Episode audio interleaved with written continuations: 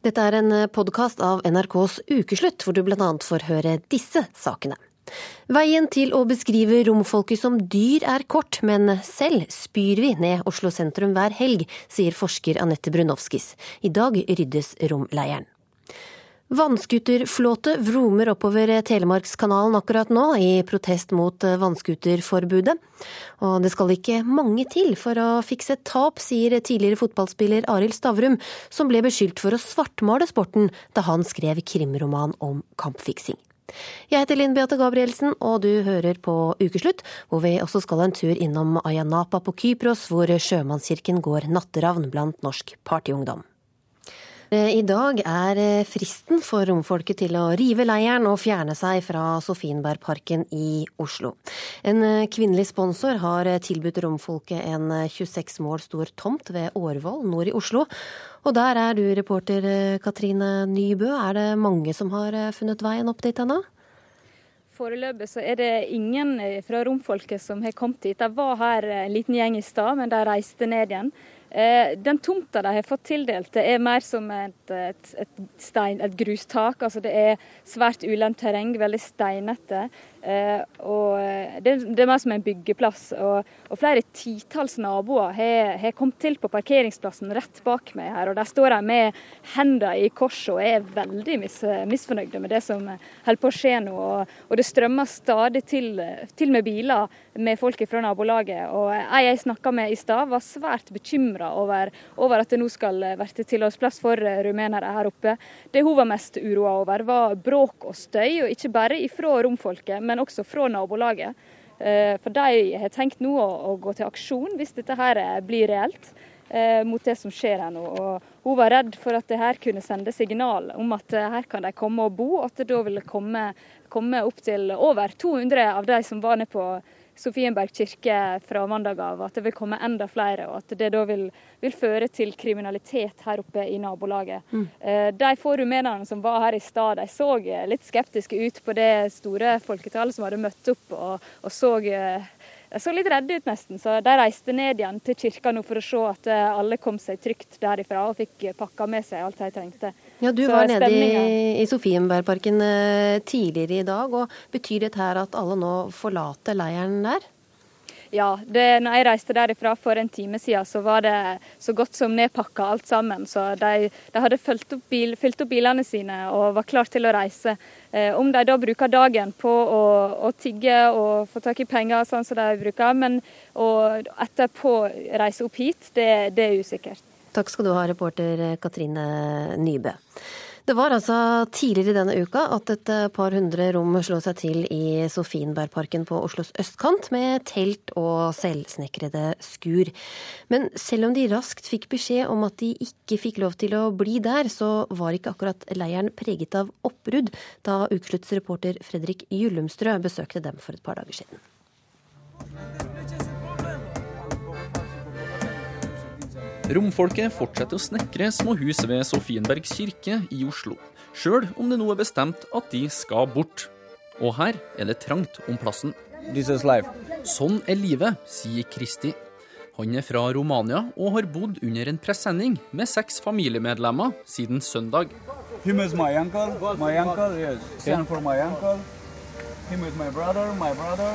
Og det er flere i leiren som ikke sover godt om natta. Denne dama forteller at hun ikke har noe tak over hodet når hun skal sove. I hytta hennes bor det 16 personer. Et steinkast unna, over gata og opp i andre etasje, har far Per Egil og sønnen Kjetil Skøyen fulgt med på de nye naboene i noen dager. Her bor de. Vi sitter jo og kikker litt av og til, da drikke kaffe og sånt. Det ser ikke så veldig kjekt ut. Det er livet de lever. Det, det er jo ikke greit at de er der. Det er ikke det. Men uh, det er vel nød som driver de hit. Og naboene har sett hvordan leiren har utforma seg siden dag én. Ja, vi har sett det blitt bygd opp steg for steg. ja, vi så jo de begynte å kjøre inn. Ja, Og de har jo stått nede i, i Ratkes gate der, på sida av kirka. Og ja, siden av parken der. og grilla og hatt bilene sine. Og, ja. Men så eh, plutselig flytta de inn. Da kom de med lass med pressesendinger og planker eller? Ja. ja, de gjorde jo det etter hvert. Kom noen planker og ja. Det er jo ikke sånn det skal være i, i dette landet. Prost i Nordre Aker prosti, Inga Skeierstad, er også på leirplassen ved Sofienberg kirke. Her ser vi jo at de sitter, sitter i sengene sine og Presenning som tak og duker som vegger. og Det ser, ser ikke bra ut. Nei, det ser jo ikke bra ut. Eh, spørsmålet er hva er løsningen på dette? Løsninga er i hvert fall ikke å la romfolket få fortsette å bo ved Sofienberg kirke. Det er helt åpenbart også at dette stedet er ikke egnet for, for en, et, som et varig tilholdssted. Og hvor neste stopp blir, vet selv ikke en prost. Nei, hvor de skal flyttes, det vet vi faktisk ikke. I leiren er Kristi sint, og han vet ikke hva som vil skje med de vel 200 rumenerne og bulgarierne som oppholder seg ved kirka. I don't know what happened. It's like that. Are you angry? Yes, of course I'm hungry. You know, I can show you my pack. I don't have some money to buy something food. Nothing. Kristi viser så frem ei helt tom pengebok. Videre sier han at om han blir sendt hjem til Romania, krever han et sekssifra beløp fra norske myndigheter. De pengene må han ha for å forsørge familien sin i hjemlandet. Når den tid kommer at de blir jaga vekk fra Sofienberg kirke, vil Kristi og resten av romfolket bevege seg til Grønland i Oslo. I'm going on the Grønland. On the Grønland part. Der vil de igjen lage en leir og sove i telt og hytter. I'm the Grønland Plaza. I make some telt. I sleeping on the telt. The police they say some problem, you know. I say give me some place to sleeping. Give me money that I'm going Romania. You know the police they say no. Anette Brunovskis, du jobber på Fafo hvor du forsker på menneskehandel. Nå flytter romfolket fra Sofienbergparken i dag, men hvor godt eh, fungerer et slikt forbud eh, mot å oppholde seg i en park? Jeg tror eh, altså, Dette er en tilnærming som vi har sett tidligere med andre grupper, som oppfører seg på en måte man ikke ønsker i det offentlige rom, som narkomane og kvinner i prostitusjon. Som man, som man har søkt å, å kanskje flytte fra sted til sted. Ehm, så det er klart at det skaper jo en del ehm, uro. Ehm, men hvorvidt det faktisk fører til, eh, til noen løsninger på problemet, det tror jeg er ganske tvilsomt. 74% av nordmenn vil nå ha tiggeforbud, ifølge en MMI-undersøkelse. Hvorfor tror du det er slik? Jeg tror at det, det, er ikke så veldig vanskelig å forstå ut fra den ganske opphetede og, og veldig polariserte situasjonen man ser i, i, media og i debatter rundt dette nå. Eh, det framstår jo som om vi har en situasjon som er helt ute av kontroll. Eh, hvor Oslo sentrum eh, skal være fullt av ekskrementer. Hvor vanlige folk ikke kan gå i parkene eller på gaten, og hvor det er forferdelig mange aggressive tiggere, som også er et begrep som, som blir brukt mye. Så jeg tror sånn sett at, eh, at det er ikke vanskelig å forstå at, eh, at, folk ønsker seg en løsning hvis man opplever det her som, som virkelighetsbeskrivelsen. Det har også kommet mange hatske kommentarer i kommentarfeltene til de artiklene som skrives, og noen sammenligner romfolket med brunsnegler, og en skriver romfolket er som eh, små barn, de driter på seg, roter og har null kontroll eller selvinnsikt. Det er bare noen eksempler. Er dette bare ord?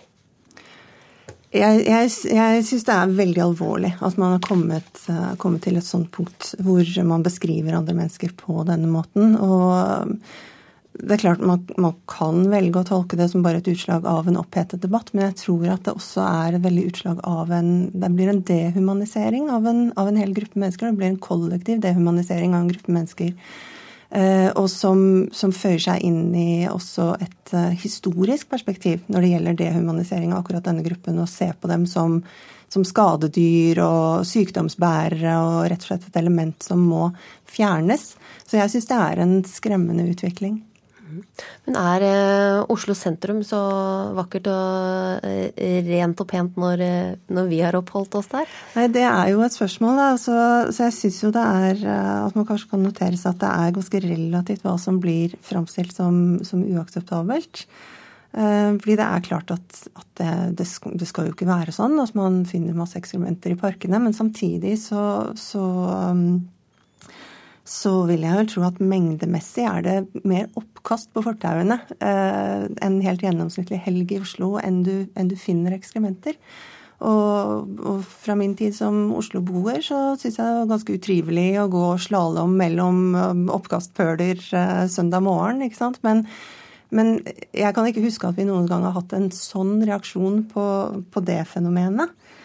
Eh, så, så det, det, kan se ut som vi på en måte har kanskje en større toleranse for eh, oppkast som et utslag av norsk drikkekultur enn, enn vi har for ekskrementer i parken som et utslag av eh, fattigdom og manglende sanitærforhold. Mm. Men hva har eh, erfaringsmessig lønt seg å gjøre da med denne typen problemstillinger, når vi har en gruppe mennesker vi ikke vil ha blant oss på den måten? Ja, Spørsmålet er jo om er det, en, er det en legitim problemstilling å si at dette er en gruppe vi ikke ønsker å ha blant oss. Um, dette er jo borgere av Europa Eh, vi, er med i et, fellesskap. Og så er det spørsmål da om, om, migrasjon er noe som skal forbeholdes alle andre enn de aller fattigste. Jeg tenker at Det er også, også et problematisk perspektiv. Når det er sagt, så, så, så er jo dette en, en, problemstilling som er veldig vanskelig, eh, og som vi ikke er alene om eh, i Europa, som er veldig sammensatt. Men jeg tror at den polariseringen som man ser nå, eh, den, den blir veldig uheldig. og, og eh, vil kanskje advare mot å ta store avgjørelser i et sånt klima. Hm. Tusen takk skal du ha, Fafo-forsker Anette Brunovskis. Are you ready for the sound of scooter?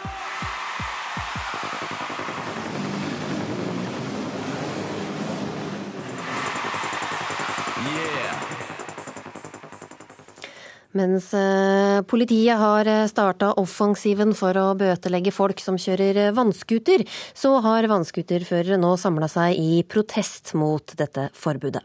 Akkurat nå kjører en flåte av vannskutere fra Arendal og opp til Telemarkskanalen. Reporter Rikard Aune, du er i Skien, og hva skjer der? Jeg står nå ved Skien eh, sluse, den første slusa av 18 sluser opp eh, Telemarksvassdraget. Og nå ser jeg 1, 2, 3, 4, 5, 6, 7, 8, 9, 10, 11, 12 og tror jeg det er 13 scootere som kommer imot meg. Eh, den første er ikke mer enn 300 meter unna, mens de kommer på rekke og rad opp Skienselva og har Dalen hotell i sikte. Og eh, dette er en tur som eh, de eh, i år benytter til å protestere mot, mot Riksadvokatens rundskriv om å håndheve forbudet som regjeringa innførte alt i 2001, men som nå myndighetene mener de kan håndheve etter at det har vært tvil rundt om hvorvidt det forbudet er lovlig i henhold til EØS-reglene eller ikke. Men Er det noen som står og venter på dem der, eller? Ja, Her er det noen pressefolk som har møtt opp, og uh, til og med en stortingsrepresentant som, uh, som, ønsker å mene noe om dette her. Uh, men utover det så er det, er det, pressefolk. Og nå er det bare noen få meter igjen før vi har ja, det er vel initiativtakeren sjøl, Carl Jakob Johansen, som kommer først her. Og så kommer da de andre på rekke og rad bak. Aune, et av argumentene til scootermotstanderne er jo at vannscootere støyer. Vi hører litt av det her. Hvordan er ja. lydnivået? Ja, akkurat her eh, var det ikke så gærent. Nå kjører de jo ikke så fort. da. Vi gjorde en uformell test for noen dager siden eh, ute i fjorden her, og da var det ikke så lett å skille en vannscooter og en 70 hester merkelig. Karl eh, Jakob Johansen, nå har du kommet fram til første sluse. Hva er målet? Det er å nå Dalen hotell i dag og overnatte til i morgen og kjøre hjem til Arendal. Bruke hele dagen i morgen på å kjøre hjem. Hvorfor denne turen? Det er eh, en, eh, blitt en tradisjon. Vi begynte starta jo i fjor, da, så det er andre året. Men eh, vi syns naturen var så flott, og det var en opplevelse. Og så gjør noe annet. Men politiet har advart. Det blir bøter og litt av hvert hvis dere fortsetter nå, sier de? Ja, nei, det må de få lov å mene. Jeg velger å se på jussen, og jussen den er klinkende klar. Vi har en eh, rettskraftig dom fra Stjørdal og Verdal. Vi har eh, definisjoner på båt. Så jeg tror dette jussmessig er ganske greit og klart. Ok, Da får dere betale sluttevita, får vi se hvordan turen blir. Ja, tusen takk. Takk skal du ha, Rikard eh, Aune. Kristian eh, Tybring-Gjedde, stortingsrepresentant fra Fremskrittspartiet. Hva, hva, tenker du om at eh, politiet nå står klare til å skrive ut bøter så blekket spruter? Ja, Det syns jeg er rimelig useriøst. og misbruk av, misbruk av politiets ressurser og tid. Dette er bare føyer seg inn i rekken av tåpelige forbud som denne regjeringen ønsker å håndheve. Vi har jeg har en hel liste foran meg her hvor du har eh, proffboksing, alkoholreklame, poker, vin i butikk og park, happy hour, søndagsåpne butikker. Nå var det snakk om å få forby Kinderegg og Happy Meal, og, det siste var jo pappvin også, for å drikke for mye vin. Eh, og Dette syns jeg er helt meningsløst. og Jeg skjønner ikke hvorfor man holder på å styre i så smått når det er så mange store eh, utfordringer i samfunnet. Hallgeir Langeland, stortingsrepresentant for SV. Hva er problemet med vannskutere? Eh, la meg nå først si det at jeg liker godt pappvin, da, i og med at det ble tatt fram eh, som, som, et eksempel. Og Dessuten så har jeg tenkt å prøve å kjøre denne vannskuteren i Stavanger. For at, eh, jeg ser på kartet i, i avisa i dag at et, et, område hvor det er lov å kjøre dette. Så er det òg områder der det ikke er lov å kjøre. Og Det forstår jeg òg. Jeg ser f.eks. under Bybrua i Stavanger, der det er veldig smalt. og Der er det da mye trafikk og ferjetrafikk. og Der kan det jo bli litt skummelt hvis det kommer mye andre mye mye snøscootere inn i disse områdene. Så Det er litt av hensyn til de sjøl òg. Og som sagt, altså, det er ikke ulovlig å kjøre snøscooter i Norge. Det er bare restriksjoner på det. Vannscooter òg. Beklager. Beklager. Så det, det, altså, For å si det sånn, altså, jeg er jo MC-kjører sjøl. Jeg, jeg håper jeg er leder av Per Arne Olsen, eh, presidenten i Løbakken MC. Og det er ingen som kommer med krav om at han skal kjøre på fortau og inn i Vigelandsparken og rundt omkring overalt. Men vi har noen områder vi har lov å kjøre, og sånn er det òg på sjøen. Så det, det syns jeg er helt fornuftig, egentlig. Ja, men, ja, Hadde det vært på den måten, eh, Langeland, så hadde det vært et problem. Altså, Vi har reguleringer for båttrafikk, og det er ingen som diskuterer det. Men det vi snakker om nå, er vannskuter på samme måte som båttrafikken. Eh, så hvis du var enig i at du kan ha det på akkurat samme måte som båttrafikken, så trenger vi ikke å ha den diskusjonen i det hele tatt. Da er vi enige. Det Vi er altså det eneste landet i Europa som har forbud mot vannskuterkjøring. Det stemmer ikke, Kristian. Ja, det stemmer ikke, for jeg sitter ja. med papirer framfor meg her som nettopp sier at svenskene har det f.eks. i Stockholms skjærgård er det restriksjoner. Du må kjøre ja. 100 meter fra land, og du, der er 300 meter sone. Sånn at det, det, det, er ikke riktig, det. Du må forholde deg til fakta da, iallfall. Ja, men det er fakta. Jeg sier også at båttrafikken er også regulert, og det, den er også regulert i visse områder, og det er ikke, ingen som er imot det. Vi sier ikke at de skal drive vannskuterkjøring overalt, men det er, det er, dette er poenget til regjeringen. Okay, men da er meningen om det, da, at vi ikke skal kjøre velt. Ja, men... Det er bra. Ja, men hvis du er enig om det, så trenger vi jo ikke å, praktisere loven mer. Men, men hvorfor er det ikke bra nok å ha egne områder hvor man kan kjøre scooter?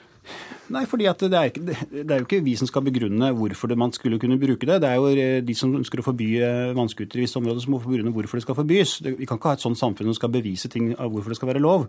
Eh, og Derfor burde det være lov, fordi at folk syns det er morsomt å kjøre det. Folk liker å kjøre det. På samme måte, Hvis man mener at det kan være farlig, så kan man snakke om fjellkatring og rafting og alt mulig andre ting. Eller dykking for den saks skyld. Med at det er for mye støy, så kan man peke til motorsport og andre ting. Men, men poenget er at det er ikke noe annerledes med vannskuter enn noe annet. Det er bare et nytt produkt i forhold til hva det var for 10-15-20 år siden. Og det må man bare kunne akseptere, istedenfor å late som å finne på regler og bruke eh, ressurser av det offentlige, både politiet og andre ressurser. Det betyr at vi har for mange byråkrater, og dessuten så er det knappe politiressurser som må brukes på det som er viktigst. Ja, Gammel, god Frp-er som snakket nå, hører jeg. Ja, eh, men eh, la meg si det sånn. Vannscooterrestriksjoner er der f.eks. i Sverige, Tyskland, Italia. Sveits har forbud. Altså, Norge har ikke et forbud. Vi har altså restriksjoner. Jeg kan når som helst kjøre fra Stavanger, nesten fra sentrum, ut med, med en uh, vannscooter. Så her er det, men jeg kan ikke kjøre inn i vernesoner og områder der det er f.eks. hytteområder der det er masse folk som ikke vil ha denne støyen. Jeg tviler på f.eks. at uh, sjefen din, Kristian Siv Jensen, ville likt hvis det kjørte en bråd med vannscootere rundt og beila på henne når hun lå på brygga og solte seg. Det tror jeg ikke hun hadde satt pris på. så derfor tror jeg det, det, er lurt at vi har noen områder der vi har lov å kjøre, der vi får testa dette ut. Så det, det, Derfor er det veldig fornuftig, tror jeg, for folk flest å ha denne muligheten til å prøve det. Men hvorfor kan de ikke kjøre, hvor, hvorfor kan de ikke få kjøre der hvor de vil? Jo, for det, det er områder der vi ikke skal ha høy trafikk. Og hvorfor skal vi ikke det? Eh, for eksempel så skal vi ikke ha høy trafikk der det er mange eh, som ferierer. Eh, for eksempel sier Turistforeningen de vil helst ha forbud, men, men friluftsorganisasjonene sier at det er veldig bra at vi har restriksjoner der vi har områder vi kan kjøre. For det at folk flest òg vil ha ro, og det biologiske mangler fugler og verneområder for fugl. De liker ikke å ha vannscootere tett innpå seg. Det, det, vet den som ferdes i naturen. Så det er nødvendig med å ha plasser der du kan operere denne, dette legetøyet. Og jeg har som sagt lyst til å prøve det. Du. Ja, altså nå merker jeg at Hallgeir Langeland har problemer med å forsvare sin egen eh, både ideologi og politikk her. Eh, men poenget er at vi, hvis vi kan være enige om at vi kan kjøre vannskuter der vi kan kjøre båt, og det støyer omtrent like mye Det var firetaktermotor på vannskuter i dag, som støyer ikke noe mer enn en, en vanlig påhengsmotor. Altså ingen grunn til å snakke, om, snakke, om, støy. Og hvis det er støyen var, plutselig var det snakk om noen fugler som man var opptatt av. Altså, er sånn, ja, ja, nettopp. Sånne ulike ja. argumenter. Og plutselig var det Siv Jensens feriested du var opptatt av. Eh, det er hyggelig at du er opptatt av hvordan partilederen i Fremskrittspartiet har det på, på hytta si. Men jeg tror ikke det er det som er grunnlaget for at du er så mot dette. Eh, jeg tror faktisk at vi skal heller tillate mer ja, i vårt samfunn og, og finne ut at eh, de som virkelig skaper noe her, de som tør å utfordre både naturen og seg selv, det er de vi burde legge til rette for, og ikke gjøre masse restriksjoner på folks bevegelser både her og der. Det er de som skaper verden, eller si som med, med filosofen og russiskfødte Ayn Rand, det er de som beveger verden, det er de som utfordrer verden. Nå hører jeg at Kristian uh, Tybring-Gjedde prøver å bli ideologisk og bevege seg inn på det området. Det må han gjerne gjøre, og at alt skal være tillatt. Men det er faktisk ikke sånn at alt er tillatt i dag heller. Og jeg har ikke hørt fra presidenten i Løvebakken MC, altså Frp-en Per Arne Olsen, at han forlanger å få kjøre en i Vigelandsparken. Det har jeg ikke hørt, og det tror jeg heller ikke kommer til å høre. Og Sånn må det òg være for vannscootere og visse områder der det ikke er lov å operere. Bl.a. pga. natur, miljø og friluftsliv og friskeri. Hallgeir Langeland, du får ta med deg lommeboka når du legger ut på en vannskuter. Tusen takk til Christian Turing Gjedde, Altså. Du hører på en eh, podkast av eh, Ukeslutt, og den neste halvtimen får du bl.a. høre følgende. Klubblederne må ta seg av fotballspillerne også utenfor banen for å klare å fange opp et eventuelt spillproblem, mener tidligere fotballspiller Arild Stavrum. Og ingenting stopper norsk ungdom fra å feste på Kypros, forteller Sjømannskirkens Natteravn. Og da gikk hun med gips, og klarte å klamre seg til de krykkene. Sto med vann i den ene hånda og en rød drink i den andre. Denne uka har vi lært at eh, ikke alle fotballspillere spiller for å vinne kampen. Forrige søndag ble en eh, kamp utsatt pga. mistanke om at kampen var fiksa, og siden det har det ballet på seg. I går ble det kjent at eh, totalt fire spillere er sikta av politiet, og i dag varsler Fotballforbundet at de har fått nye opplysninger fra Follo fotball om flere mulige ulovligheter i kampfiksingssaken. Ukeslutts reporter Eivind Våge har fulgt fotballjukset denne uka. Jeg tror alle har, eh, som, som, var der og har vært involvert i kampen, og, og nå i ettertid, så har man, så har man tenkt eh, Alle har sikkert tenkt sitt. Eller altså gått gjennom og, og, og grubla over hvert mål og alt sånt der. Men altså eh, Vi ser ikke noe mistenkelig i den kampen i det hele tatt, egentlig. og Ulrik Arneberg forteller om kampen mot Frigg 24.6. Han er kaptein for andredivisjonslaget Asker, som tapte denne kampen 1-7. Og så skal det sies at vi, eh, vi har vært inne i en dårlig periode, rett og slett. Vi, vi Dette skjer sist søndag. Fotballforbundet mistenker kampfiksing i tre norske fotballkamper. Førstedivisjonsoppgjøret mellom Ullskisa og HamKam blir utsatt av Norges Fotballforbund pga. mistanke om kampfiksing.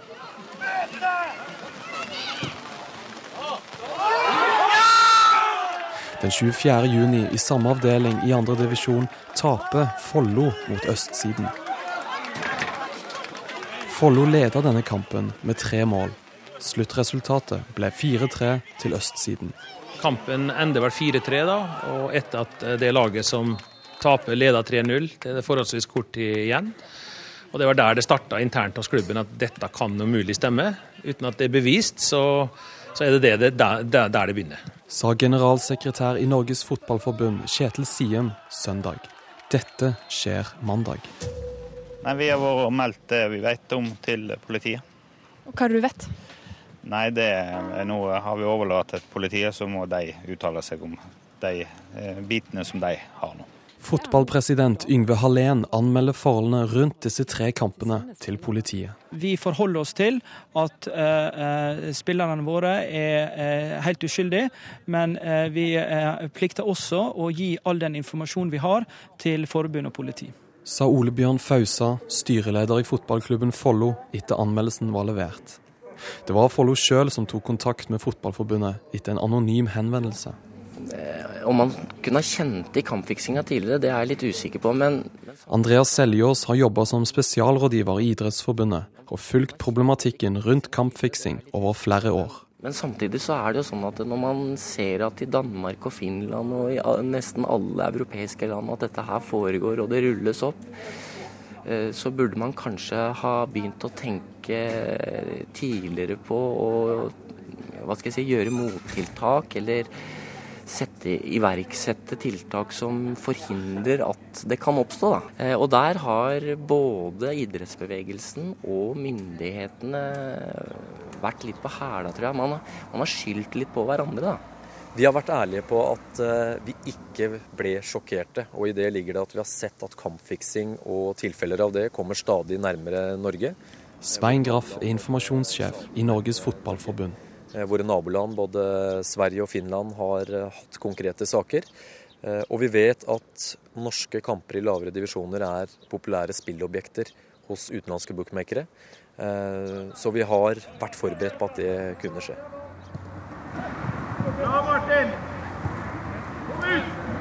På treningsfeltet til førstedivisjonsklubben Ullskisa finnes det én spiller politiet mistenker for å ha satt penger på at laget hans skulle tape mot HamKam. Jeg var jo sterkt imot å, å utsette kampen, for jeg var eh, Jeg hadde jo flere forslag til, til NFF på hva vi eh, kunne gjøre. Om vi skulle, det var jo da snakk om én av våre spillere. Det sier Cato Strømberg. Som er daglig leder og styreleder i Ullkisa fotball. Vi har hatt fellesmøter i, eh, her i klubben med, med spillergruppa. Ja, vi har hatt en fire-fem møter. Hvor vi har gått gjennom eh, alle tenkelige scenarioer, egentlig. Og eh, jeg håper at dette ikke skal ødelegge sesongen for oss. Dette skjer onsdag. En Follo-spiller pågrepet og siktet i kampfiksingssaken. En litt mer prega styreleder i Follo denne dagen. Ole Bjørn Fausa i Kveldsnytt onsdagskveld klokken 11. Ja, dette er en alvorlig og trist utvikling i saken. Frykter du at det er flere spillere i Follo som er involvert? Jeg håper inderlig ikke det. Men jeg tror det ville være naivt av meg å si at jeg utelukker det. Men jeg håper virkelig ikke det. Asker-kaptein Ulrik Arneberg er en dag unna å få vite at en av hans lagkamerater skal bli pågrepet og sikta av politiet alle i en spillergruppe kjenner hverandre ikke personlig eh, i dybden, for å si det sånn. Og da, da er det så, selvfølgelig Man kan aldri, det kan jo ingen, eh, garantere noe 100% Men altså at jeg kan være så sikker som jeg kan få blitt på at ingen er involvert, det, det, kan, det kan, jeg være, og det, det, står jeg for fortsatt. Når politiet er innkalt til pressekonferanse klokka 15.00 i dag, eh, er du redd for at det kan dreie seg om en spiller i din klubb? Eh, Ja, eller altså nei. Eh, jeg vet ikke. Eh, hvis det skulle dreie seg om det, så, så, er jo det selvfølgelig synd, for da blir det enda mer oppmerksomhet rundt klubben vår. Men jeg er ikke redd for at det skal skje i så måte at jeg, jeg har ikke noe trua på at det skjer, da. Han har rett i 24 timer til. Dog så sier vi at den personen som ble pågrepet i går, og som satt i avhør i går og i dag, han er nå for ikke lenge siden blitt løslatt. Politiet opplyser om at Follo-spillerens siktelse opprettholdes, og at mannen er løslatt. Navnet mitt er Gro Smogli. Jeg er seksjonssjef ved finans- og miljøkrimseksjonen i Oslo politidistrikt. Én spiller kan vel umulig ha gjort dette alene? Nei, det er vel det iallfall vi som ikke spiller på, på banen sjøl, tror Men eh, det kan vel kanskje ha betydning hvilke spillere det er, så vidt som jeg har fått meg forklart. Men eh, det her blir litt sånn det er snakk om en kamp hvor stillingen var 0-0 til det var spilt 60 minutter, og som endte 7-1. Ja, det, det, høres veldig det kan si, imponerende ut, i anførselstegn. Dette skjer fredag. I dag har vi pågrepet to personer. To menn. En født i 1989 og en født i 87. Det skal være en spiller på Follo og en som spiller på Asker. Totalt er det nå fire spillere som er sikta i kampfiksingssaken. Tre spillere hos Ole Bjørn Fausa og fotballklubben Follo, Eh, la det være helt klart at de spillere som er sikta i saken, på ingen måte vil være aktuell for kamp. Vi har vår neste kamp på mandag. Ingen av de spiller den. Og én spiller fra Asker. Hallo, Ulrik. Det er fredag kveld. Vi stiller oss veldig undrende til, til det som skjer fortsatt. Vi registrerer jo også at uh, det har gått et skritt lenger. da. Som kaptein så er det jo du som skal motivere lagkameratene dine. og Hva er det du forteller de nå som dere eh, i morgen går eh, ut på banen? Enten så kan man bli deppa og lei seg og, og den biten der, eller så kan man bare innse fakta, og det er at alle vi andre vi, vi får ikke gjort noen verdens ting med den saken her. Det er i andres hender, og da er det bare å legge det til sida og fokusere. og, og i hvert fall eh, få positive opplevelser ved å vinne fotballkamper og, og ha det moro med, med fotball fortsatt. Og Norges Fotballforbund holder en pressekonferanse senere i dag, hvor de vil informere om de nye opplysningene i saken. Det dreier seg om innrømmelser av ulovlige forhold i grenselandet mot kampmanipulering. Dette er hendelser som ligger mange år tilbake i tid. Og dette får du høre mer om i Dagsnytts sendinger utover dagen.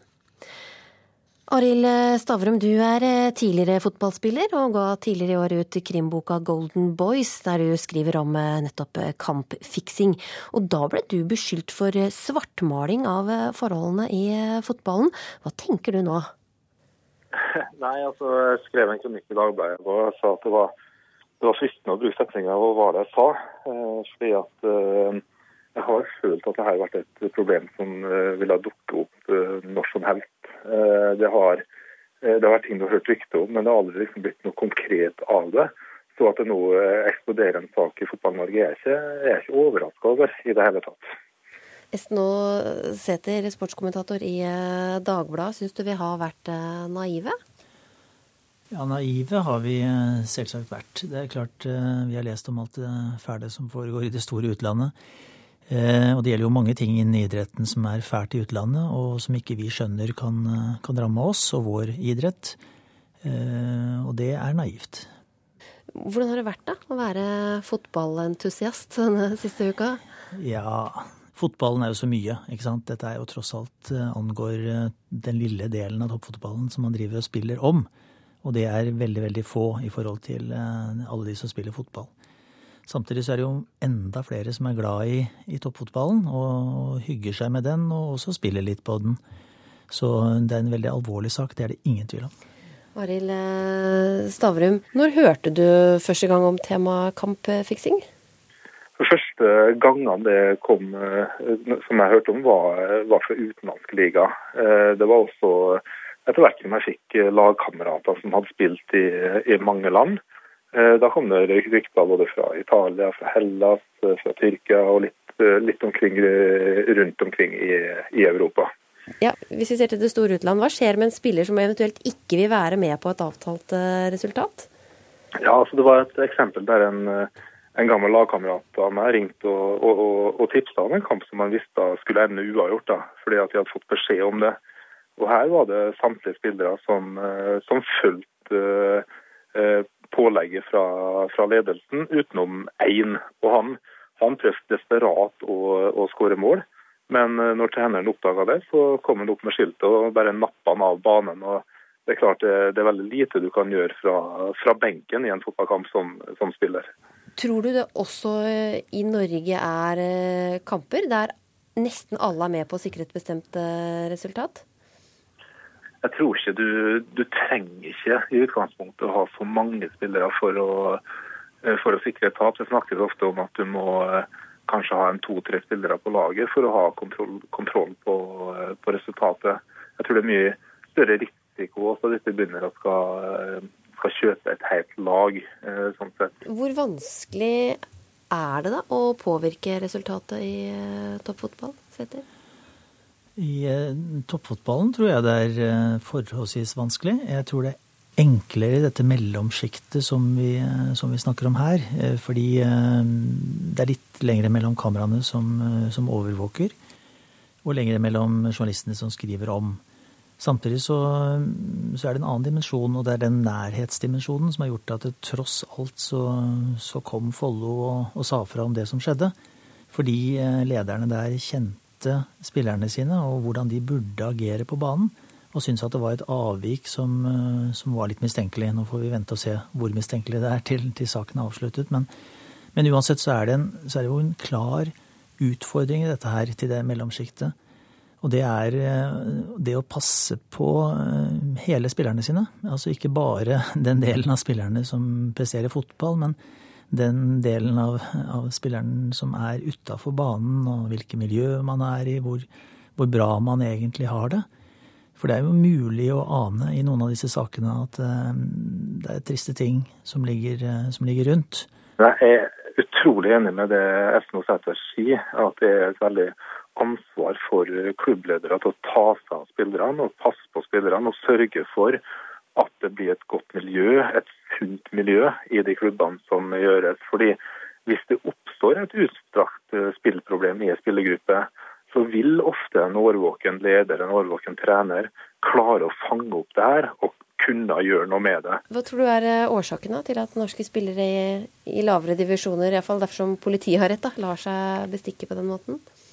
Det har, jo, det har jo med penger å gjøre, hvis, sier, hvis det her er, er tilfellet. Eh, jeg kjenner jo godt til lønnsnivået i, i andredivisjon. Det, eh, det, er spillere som, som, trener veldig mye, satser veldig mye på idretten sin, som tjener fra null kroner opp til noen tusen kroner i, i måneden. Så det, det, er klart de blir ikke rike på fotball. og opplever at de satser veldig mye og jobber veldig mye for å bli gode i fotball, og ser at andre, kanskje kamerater av dem, spiller i Tippeligaen eller i, i utlandet og tjener veldig, veldig mye mer.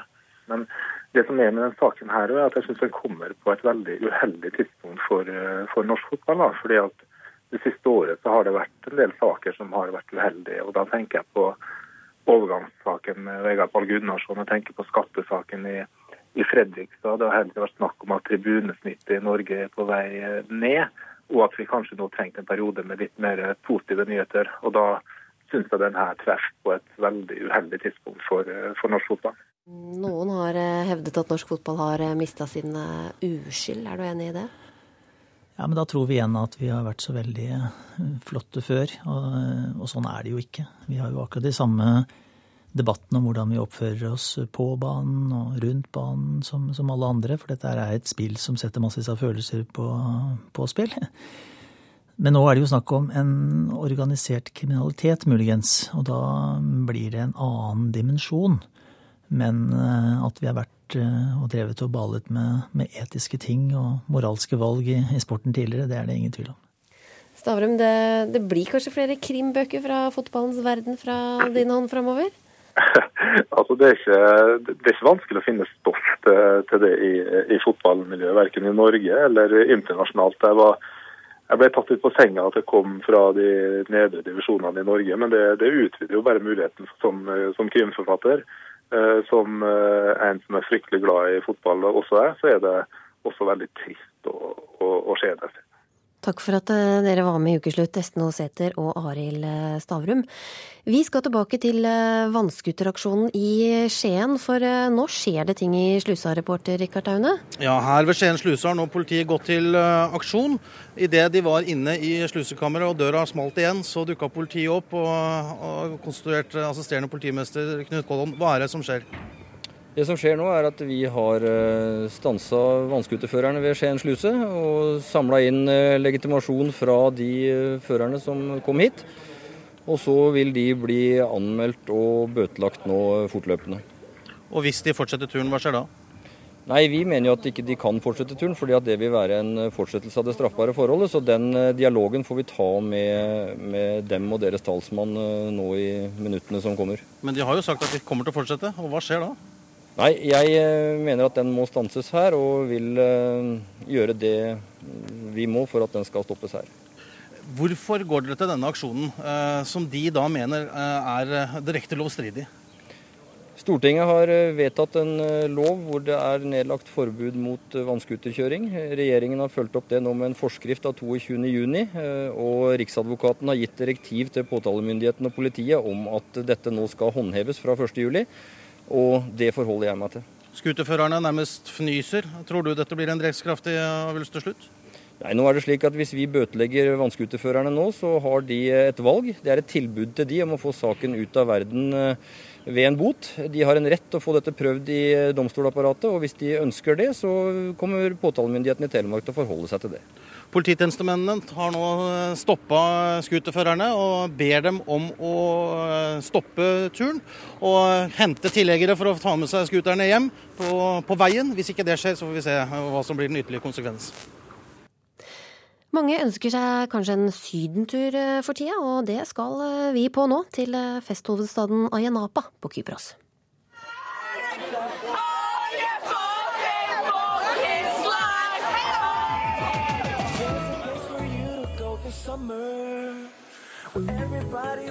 Get on down, It's to a place called Ayanapa. Er det trygt å sende barna våre til Ayanapa på Kypros? Er dette nåtidens svar på Sodoma Gomorra?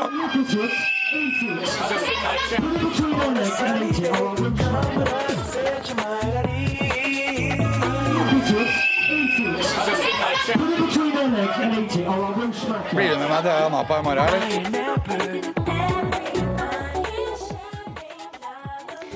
Alex Rosén hadde nok ikke hatt eh, store problemer med å få følge til eh, partybyen. Reiseselskapene sender av gårde fulle fly til Ayanapa hver uke i sommer.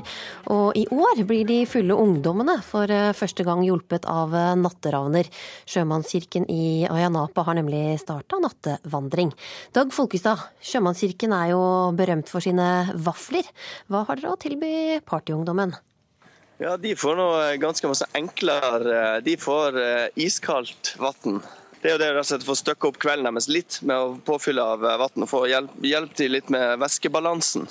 Men hvordan foregår denne nattevandringa deres? Jo, vi har, Det er to sånne benker, de har kalt det kirkebenken, i Ayanapa sentrum. Akkurat der i det skandinaviske kvarteret. Der liksom man har de norske puber, man har skandinaviske puber.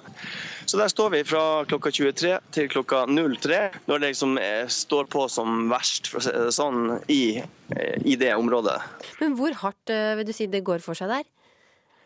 Altså, det er jo altså, Ungdommen er jo her rett og slett for å ha det gøy og for å få seg en skikkelig fest. Så er det jo det at de har den skikkelige festen over så utrolig mange døgn. Og da blir det jo rett og slett bare at kroppen takler ikke så mange dager i strekk. Men de er jo der for å feste, som du sier. Har de altså lyst til å snakke med dere? Ja, alle er utrolig positive. De kommer bort og Først og fremst så ser du at de står der med, med vanndunker og, og, tilbyr de det. Og så slår de av en prat, enten om de har uh, mista en kompis. Det er det jo mange som plutselig ikke helt vet hvor, hvor folk er lenger. Jeg måtte hjelpe ei skikkelig overstadig berusa jente til å skrive en tekstmelding. Hun klarte ikke å treffe tastene. Så det, jo, det er jo ganske sånn, nesten litt sånn absurd. Altså, her skal jo alle tjene penger. og det er, altså, Du kjøper én drink, så får du kanskje sånn ti shots med på den drinken. Så det er jo på en måte bare å Det er jo litt å få folk full, rett og slett.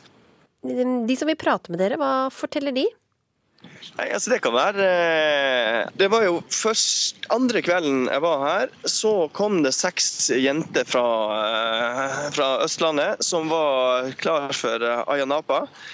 De skulle da ut på de forskjellige barene og hadde funnet sine faste. altså de ha, Ingen fikk lov å gå fra baren uten at de hadde snakka med de andre. Alle skulle vite hvor alle var. Dagen etterpå så hadde de kommet opp igjen og sa at i kveld begynner vi litt senere. For i går så forsvant hun ene med én og ble borte for vi fant henne ikke igjen. Så i, i kveld har vi funnet skikkelige løsninger. Og så da når klokka var sånn to-halv tre, så var de jo helt splitta opp igjen og var utrolig fortvilt. og Det var litt sånn krangling og litt sånt. Og en trengte en ispose. Så fikk hun, en, fikk hun kaldt vann på, på, den hevelsen, og så kom hun tilbake igjen i går. Og da gikk hun med gips. Men hun var likevel ute på full fest. Og klarte å klamre seg til de krykkene. Sto med vann i den ene hånda og en rød drink i den andre. Er norske foreldre dumme, da, som lar ungdom dra til Ayanapa? Jeg ville ikke ha sendt mine unger, eller i hvert fall prøvd å få dem til å reise til en annen destinasjon. Altså, de, de, finner ikke den når er nok, på en måte. Og, ja, så blir du reven med, liksom. Du treffer en eller annen svenske, og så, og så har man det gående, liksom. Det norske folk venter på sommeren, statsmeteorolog Per Egil Haga. Må de vente mye lenger? Ja, dessverre så ser det sånn ut. Det kan kanskje være et håp for den nordligste landsdelen et stykke ut i neste uke, men inntil så lenge så må vi vente, ja.